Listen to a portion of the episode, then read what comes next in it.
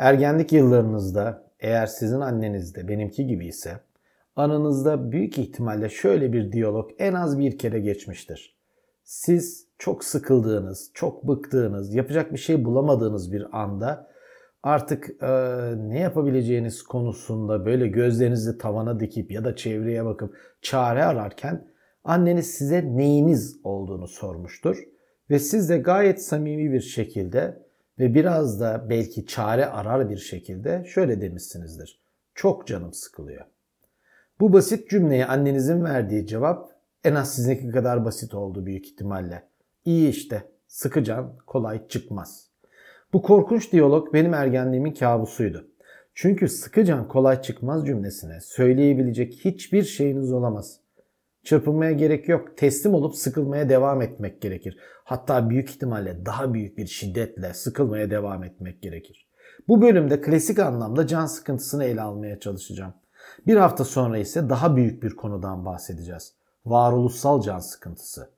Ancak ona gelmeden önce can sıkıntısı dediğimizde nelerden bahsedebileceğimiz hakkında biraz konuşmamız sanırım iyi olacaktır. Diyeceksiniz ki can sıkıntısı gibi bir konuya iki hafta ayırmak çok riskli değil mi? Üstelik podcast gibi bir sistemde, görsel uyaranların olmadığı bir sistemde, sadece ses kaydından oluşan bir sistemde iki hafta can sıkıntısı konuşulur mu? Aslına bakarsanız can sıkıntısı o kadar sıkıcı bir konu değil. Bizim canımız sıkıldığında, ya adı üzerinde canımız sıkılıyor ve kendimizi sıkılmış hissediyor olabiliriz ama konunun kendisi çok ilginç, çok eğlenceli, bazen ürkütücü de ve bu iki bölümde bunlar üzerine konuşma şansımız olacak. Peki nedir bu can sıkıntısı? Önce basit anlamlarından ya da aklımıza kolay gelen nedenlerden bahsedelim.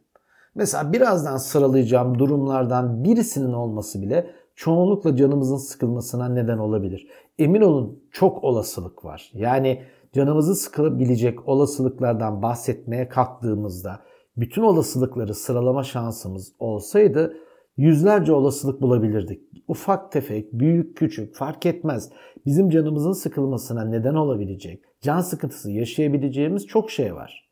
Fakat biz biraz daha e, bugün daha temel ya da daha basit, daha çok konuşulan bazı nedenlerden bahsedeceğiz. Özellikle Psychology Today dergisindeki kaynakçasını podcast'ın ana sayfasında bulabilirsiniz. Çok güzel bir özet var bu konuda. Ve o özeti ben biraz kendi deneyimlerimle, kendi bilgilerimle harmanlayıp size aktarmak istiyorum açıkçası. Birden fazla yani yaklaşık olarak temel diye nitelendirebileceğimiz toplamda 7 farklı can sıkıntısı nedeninden bahsetmemiz mümkün. Bunlardan ilki, akla ilk gelenlerden birisi de odur zaten, monotonluk. İsmi bile sıkıcı, monotonluk. Bankada işlem sırasının size gelmesi için sürekli elektronik panoyu kontrol ettiğinizi ve elinizdeki numaranın 110, sıradaki işlemin ise 71 olduğunu düşünün. Uzun bir süre orada oturacağınız ve ara sıra tekrar tekrar elektronik panoya bakacağınız garanti. Çok sıkıcı. Daha kötüsü var mı? E olmaz olur mu? Hapishanede hiçbir uyarının olmadığı hücrede 24 saat geçirdiğinizi düşünün. Sadece sıkıcı değil, korkunç derecede sıkıcı, dehşete düşürücü. Genel olarak monotonluk insanların kaçmak istediği bir durum. Monoton olan hemen hemen her şey bizim canımızı sıkıyor. Monotonluktan eğlenebilir miyiz? Yani monoton uyaranlar bile bizi eğlendirebilir mi? Belki bir ihtimal. Yani buna özel çaba gösterirseniz olur ama genel olarak tekrarlayan, sizi beklemeye alan, monoton olarak bir grilik barındıran, renklerden uzak olan her türlü uyaran sizin canınızı tek başına bile sıkmaya yetecektir. İkincisi e, birincisinden çok farklı değil. Tekrarlanan ve kolay olan işleri yapmak durumunda kalmak. Bu da can sıkıcı. Aslında monotonluğun devamı gibi. Örneğin 1500 kitaplık kütüphanenizi taşımak için küçük kolilere yerleştirmeye çalışmak askerde yemek için 500 patates, patatesin kabuklarını soymak ya da fabrikada önünüze gelen paketin üzerine küçük hediye fiyonklarını yapıştırmak ve bunu yüzlerce kez yapmak. Ben bunları anlatırken bile sıkıldım. Tabi bunlar arasında benim yaptığım kütüphane taşımak oldu şimdiye kadar. Defalarca. Her zaman çok kalabalık değildi belki ama taşınmanın kendisi gerçekten size anlatırken bile beni çok geriyor, sıkıyor, kaygı uyandırıyor. Aslına bakarsanız olumsuz duyguların tamamını yaşadığım bir durum. Babamın görevi nedeniyle küçüklüğümden beri 2 yılda bir, 3 yılda bir taşımak durumunda kaldığım için sanırım benim kabusum olmuş. Ama sadece eylemin kendisini düşünün bakın. 1500 kitaplık bir kütüphaneniz var. Önünüzde onlarca küçük koli var ve kitapları yerleştiriyorsunuz. Aynı iş tekrarlanıyor ve kolay. Yani sizin için herhangi bir zorlayıcılığı olmadığı gibi keyifli bir yanı da yok. Bunu yeterince tekrarlarsak sıkılma ihtimalimiz tabii ki yüksek. Üçüncüsü yenilik ihtiyacının karşılanamadığı durumlar. Eğer kişilik özelliği olarak heyecandan ve yenilikten hoşlanıyorsanız ve hatta bundan haz alıyorsanız sanmıyorum ki her gün masa başı bir işte çalışıyor olmak sizin için iyi bir deneyim olsun. Heyecan arayıcılar, uç spor meraklıları e, ya da genel olarak hayatında hareket arayan insanlar doğal olarak sıkılmaya daha açık görünüyorlar. Şimdi tabii aklımıza hemen şu geliyor. Yani böyle bir kişilik özelliğimiz varsa ya mutlaka böyle bir işte çalışmak durumundayız. Yani masa başında çalışamaz mı bu insanlar? Çalışırlar tabii ki ya da çoğu zaman belki çalışmak zorunda da kalırlar ama o zaman çalışmak dışında kalan vakitlerini o yenilik ihtiyacını gidermek için kullanıyorlardır büyük ihtimalle. Ya da kullanmaları iyi olur. Çünkü bu hakikaten bir kişilik örüntüsü ve kişilik örüntüsünde sizin ihtiyacınız yenilik, e, bazen biraz e, heyecan, biraz adrenalinse bunu masa başında oturarak gelmesini bekleyerek karşılama şansınız yok. O yenilik ihtiyacını karşılamak için geri kalan zamanınızda işten, görevlerden vesaire geri kalan zamanınızda kendinize yenilik yaratmak durumundasınız. Bu açıdan bakıldığında böyle ihtiyacı olmayan insanlar sıkılma açısından, daha doğrusu sıkılmama açısından biraz daha tabii avantajlı olabilirler. Bunlardan birisi diğerinden daha iyi değil tabii kişilik örüntüsü dediğimizde yani heyecan arayışında olmanız ya da yenilik ihtiyacında olmanız olmamanızdan daha iyi ya da tersi doğru değil. Yani eğer siz şu andaki kişilik örüntünüzden memnunsanız tartışma orada bitmiştir. Dördüncüsü kendinizi eğlendirmeyi bilmiyorsanız da canınızın sıkılma olasılığı yüksek. Kendinizi eğlendirmek ne demek? Aslında bu tabii çok geniş bir çerçeve. Mesela ben küçükken hatırlıyorum şehirler arası otobüs yolculuklarında ki benim için onların hepsi bir zulümdür. Eğer kitap okuma şansım yoksa ki benim çocukluğumda yolculuk gece yapılıyorsa pek öyle kitap okuma şansınız olmazdı. Gözlerimi kapatıp hikayeler oluştururdum. Yani kitabı okuyamıyorsam kitabı yaratmaya çalışırdım zihnimde. Bu bir süre zaten beni eğlendirirdi hakikaten ama eğlendirmekle kalmaz. Açıkçası uyumama da yardımcı olurdu. Bu bahsettiğim otobüs yolculukları kısa otobüs yolculukları değil. Çoğunlukla e, Anadolu'nun farklı bir şehrinden Ankara'ya gelmek için kullandığımız yolculuktaki otobüsler 8 saat boyunca o yol üzerinde kalıyordu en az. Ve 8 saat hiçbir şey yapmadan durmak bir otobüsün içerisinde, kısıtlı bir mekanın içerisinde hiçbir eğlendirici uyarının olmadığı bir sistemde çok kötü. Tabi şunu da belirteyim bir parantez açın belki konumuzla ilgisi yok ama yeni nesillerin bilmediği, iyi ki de bilmediği bir durum daha var. Özellikle küçük çocuklar söz konusu olduğunda o dönemlerde benim çocukluğum döneminde yetişkinlerin dikkat etmediği bir konu sigaraydı şehirler arası otobüslerde sigara içilirdi ama hem de ne içilme öyle böyle değil. Yani otobüse binen neredeyse herkes her yetişkin sigara yakardı ve bu sürekli tekrarlardı. Bir duman içerisinde bu yolculuğumuz olurdu. Sıkıcı, karanlık, sigara kokusu ve dumanı arasında yani yapabilecek zaten çok fazla şansınız yok. Gözlerinizi kapatıp kendinize hikayeler oluşturmak durumundasınız. Beşincisi özgür irademizle ilgili. Genel olarak kendi özgür irademizle seçmediğimiz bir faaliyet söz konusuysa tabii ki canımızın sıkılma olasılığı da artıyor. Örneğin katılmak zorunda olduğumuz verimsiz bir iş toplantısı, anlatılan konuların hiç ilgimizi çekmediği bir ders, ayıp olmasın diye ayrılamadığınız ama çok sıkıcı bir konuşmacının herkesi uyuttuğu bir panel. Örnekler çoğaltılabilir. Tabi yaşla beraber bu örneklerde dağılım eşitliği kayboluyor. Şöyle söyleyeyim yani kendi açımdan baktığımda Mesela konuların hiç ilgimi çekmediği ders var mıydı üniversitede? Lisede çoktu da üniversitede var mıydı diye düşünüyorum. Tek tük ama vardı yani hiç yok diyemeyiz. Fakat yine de onların bir amaca hizmet ettiği gibi bir algıya sahip olduğum için bireysel olarak en azından çok fazla sıkıldığımı hatırlamıyorum. Ya da baş edemeyeceğim bir can sıkıntısı çektiğimi hatırlamıyorum. Ama son örneğim öyle değil. Son örneği tekrarlayayım. Ayıp olmasın diye ayrılamadığınız ama çok sıkıcı bir konuşmacının herkesi uyuttuğu bir panel. Bunu çok yaşadım. Hala da yaşıyorum. Bundan sonra da yaşayacağım. Yani bir akademisyen olarak bu tür toplantılara, seminerlere, sempozyumlara, kongrelere vesaire katılıyorum doğal olarak. Katılmak zorundayım ve burada e, her zaman konuşmanın nasıl gideceği konusunda önceden bir tahmininiz olmuyor. Çok net söyleyeyim eğer can sıkıcı bir konuşma olacağıyla ilgili tahminim varsa zaten o salonda olmam ama salonda olduktan sonra bunu fark edersem de salondan ayrılmam.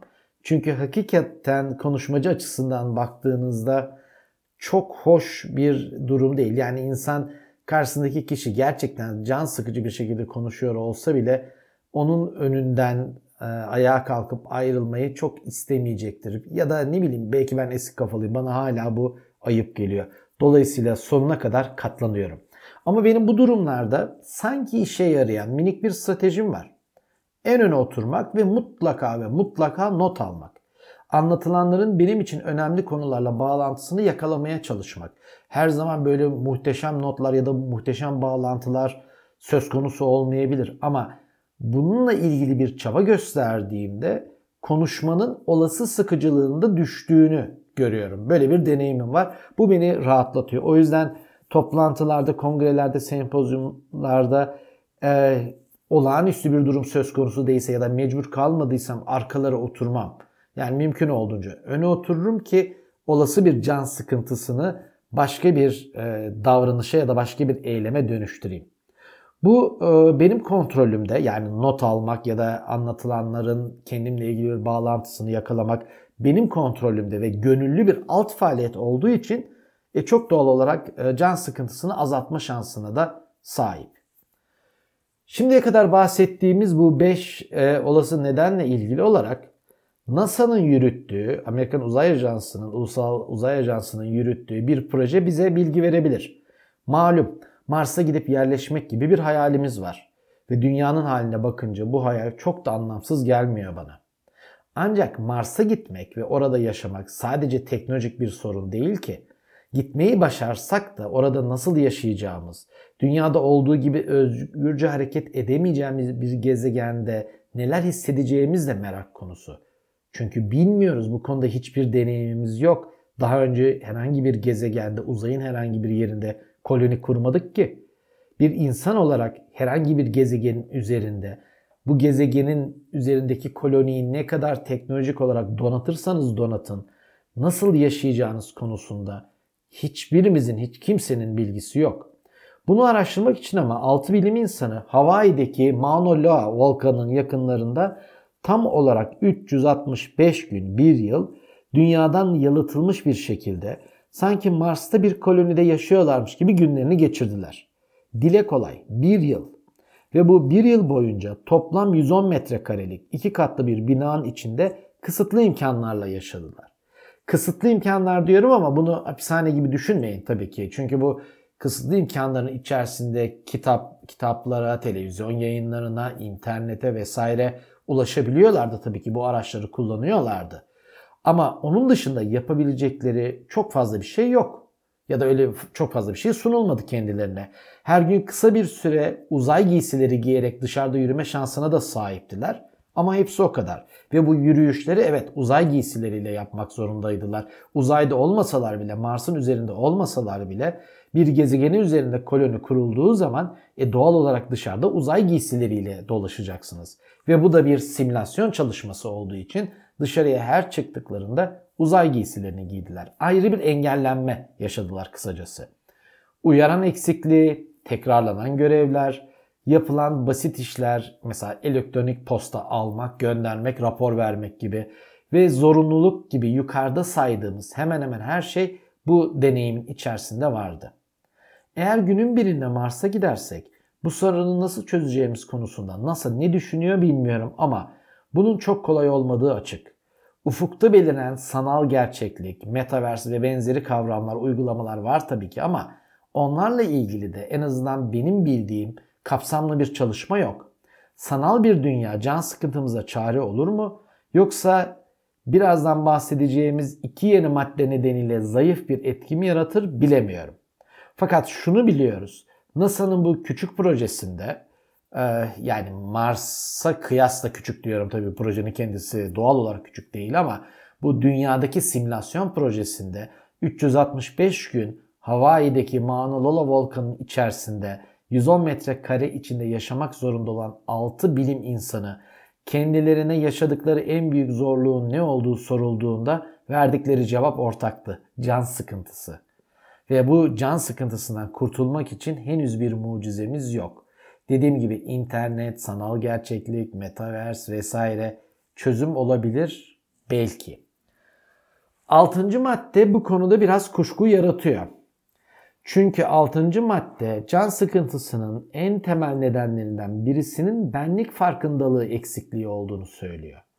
Ne istediğinin, neyin kendisine çekici geldiğinin, kısaca canının ne istediğinin hiç farkında olmayan birisinin canının sıkılmaması da çok mümkün değil.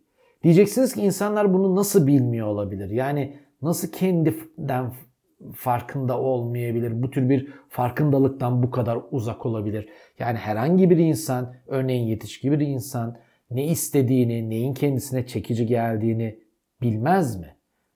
Siz bunu kendiniz için düşünün. Siz biliyorsanız buna evet ben biliyorum ne istediğimi diyorsanız kesinlikle çok şanslısınız. Ama pek çok insan kendi hakkında düşünmekten sandığınız kadar hoşlanmıyor olabilir. Çünkü insanın kendisi hakkında düşünmesi oldukça riskli. Çok riskli gerçekten. Her ne kadar bir sonraki bölümde konuşacak olsak da şimdiden şunu söyleyelim.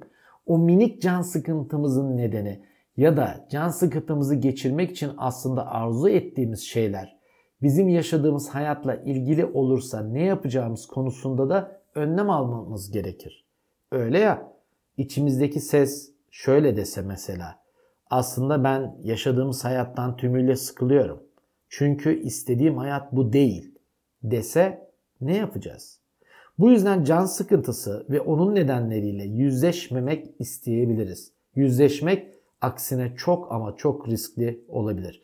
Bu nedenle benlik farkındalığı ismi kolay bir kavram olduğu için herhalde herkeste olduğu varsayılan ve herkeste aktif olarak var olduğu varsayılan bir durum ama çok öyleymiş gibi değil. Son neden biraz ilginç. Can sıkıntısını belirleyen en önemli etmenlerden birisi kültür, hatta tarih. Aydınlanma ve uygarlaşma ile birlikte canımız daha çok sıkılmaya başladı. Çünkü sıkılacak kadar vaktimiz var artık. Atalarımızın sıkılacak pek vakitleri yoktu. Ama şimdi bizim var.